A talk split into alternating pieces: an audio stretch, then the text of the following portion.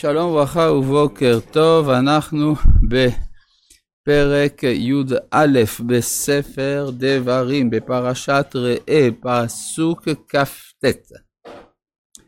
והיה, כי הביאך השם אלוהיך אל הארץ אשר אתה בא שמה לרשתה, ונתת את הברכה על ההר גריזים, ואת הקללה על הר עבל.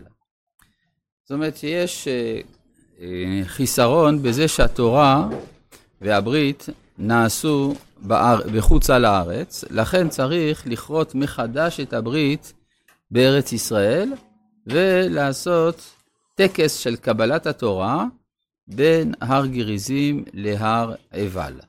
מדוע דווקא שם? ומה ההבדל בין זה לבין מעמד הר סיני? אז דווקא שם, אם לומר שזה בשכם, שכם היא בדיוק המרכז הגיאוגרפי של ארץ ישראל. איך אנחנו יודעים? הרי כתוב ושילשת את גבול ארצך. הגמרא במנחות אומרת שהמרחק בין הגבול הדרומי לבין חברון הוא בדיוק המרחק שבין חברון לשכם, ובין שכם לקדש, ובין קדש לגבול הצפון. כיוון שאנחנו יודעים שבין שכם לבין חברון בקו אווירי יש בערך כמאה קילומטרים, זה אומר שהאורך של היישוב הארץ ישראלי, של השבטים, הוא בערך 400 קילומטר, זאת אומרת זה מתחיל מרמת הנגב ומגיע באזור טריפולי, פחות או יותר, שבלבנון. זה המרחב של ההתיישבות, יוצא לפי זה גם ששכם היא האמצע המדויק. יש ליד שכם מקום שמוזכר בספר שופטים, נקרא טבור הארץ. טבור, כוונה מרכז, עד היום הזה יש גבעה קטנה בדרך בין שכם לבין אלון מורה, שנקראת רס טבור. מקום הטבור זה כזה מין תלולה כזאת עגולה, זאת אומרת שזה מרכז הארץ. לכן אם כבר כורתים ברית, אז צריך להיות במקום המרכזי של ההתיישבות, ההתיישבות של השבטים. לא אמרתי בין הגבולות של הכיבוש, שזה מנהר מצרים עד נהר פרת, אלא איפה שהשבטים אה, יושבים. כמו כן גם, יש גם הבדל עצום הרבה הבדלים בין מעמד הר סיני למעמד הר גריזים והר עיבל, ועוד שבמעמד הר סיני הקול הוא קול אלוהים, בא מראש ההר ואסור לעלות. זאת זאת תורה מן השמיים, תורה מאיימת אפילו. לעומת זה בהר גריזים והר עיבל זה בדיוק הפוך, הקול בא מלמטה, זה בני אדם, והעם נמצא על ההר, על הר גריזים ועל הר עיבל. כלומר שהתורה באה מן הארץ. אז יוצא שאם נצייר את זה באופן אה, סכמטי קצת, יוצא שהר סיני נראה כ, אה, כמשולש שהקודקוד שלו כלפי מעלה, ועוד שמעמד הריזים והר עיבל זה משולש שהקודקוד שלו למטה. אם נרכיב אה, משולש אחד על המשולש השני, יצא לנו סמל יפה שאפשר להשתמש בו בשביל לציין את עם ישראל. זה ה...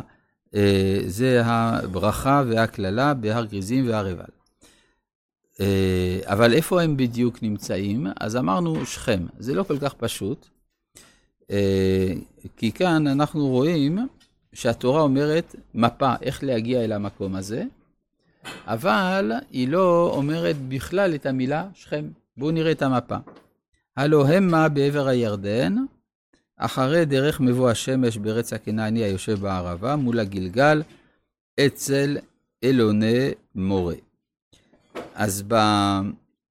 בתורה השומרונית, הם הוסיפו שתי מילים, אצל אלוני מורה, היא שכם. כן, ו... מה? בתורה השומרונית, זה הרבה לפני שרש"י אה, נולד, כן?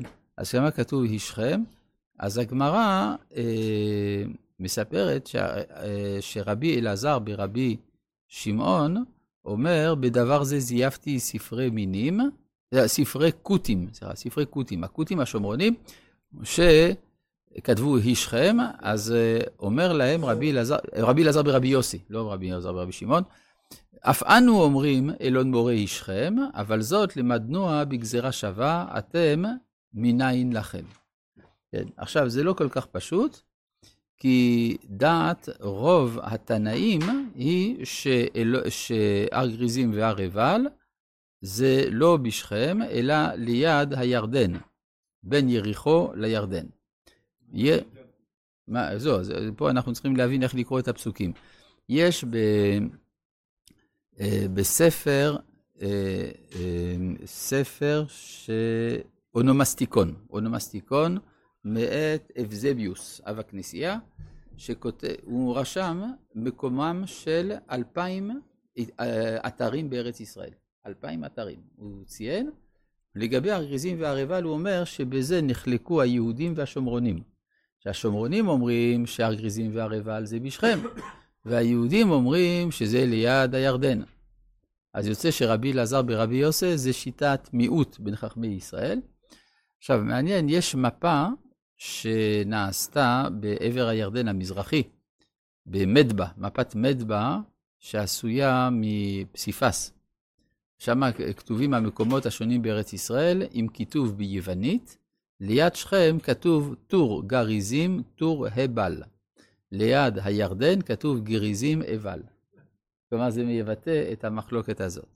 עכשיו, אה, מה המשמעות? אה, האם זה רק בגלל שהשומרונים קידשו את הר גריזים, אז כאילו החכמים העבירו ליד, ליד הירדן? לא, אנחנו נראה שזה נמצא גם בפסוק עצמו. בואו נראה, אפשר לקרוא את זה ככה. הלא המה בעבר הירדן.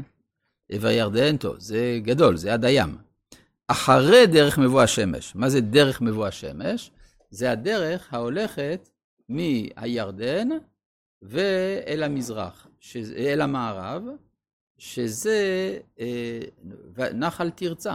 נחל תרצה הוא כמין בקעה אחת גדולה שטוחה, שהולכת מן הירדן ועד שכם. שם אפשר להעביר שם 60 ריבו בלי בעיות. זה, אבל יש פה בעיה, בארץ הכנעני. לכאורה האזור של שכם זה לא ארץ הכנעני, זה ארץ האמורי, לא ארץ הכנעני.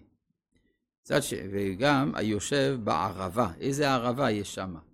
מול הגלגל, הגלגל, אז יש גלגל ליד שכם, ויש גלגל ליד יריחו. אצל אלוני מורה, אז אפשר אם כן להתווכח. אפשר גם להגיד אה, שזה אה, מול הגלגל ממש, כלומר, ו...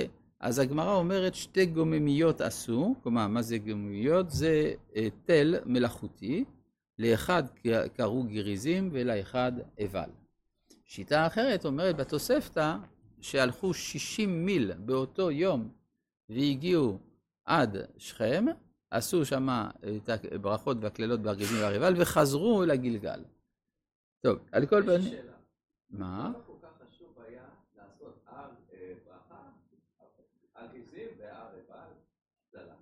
כן.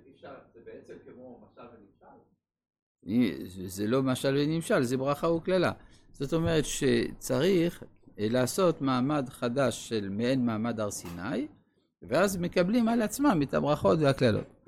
עכשיו, אה, אז, אבל מה המשמעות של הדבר הזה? המשמעות היא שהשאלה היא איפה נמצא המרכז האמיתי של ארץ ישראל. אם אנחנו, הרי בפרשת לך לך, בפרק י"ז, אנחנו רואים שני, שני ציורי גבולות. בברית בין הבתרים נאמר מנהר מצרים עד נהר פרת, ואם אנחנו רואים בפרק י"ז שם בברית המילה, אז אה, זה רק ארץ כנען, מן הירדן ועד הים. אז זה תלוי כנראה בזכות של עם ישראל. אם עם ישראל זכאי, אז הוא כובש את כל הארץ, ואז יוצא שהמרכז של ארץ ישראל זה יריחו. כן, בין שני אברי הירדן. ואז הגיוני לעשות את הברית ביריחו. לעומת זה, אם אומרים שיורשים רק את ארץ כנען, אז המרכז של הארץ זה שכם. לכן, הכתוב בעצמו בנוי באופן כזה שאפשר להבין כך ואפשר להבין כך. מתי עם ישראל אה, זכאי?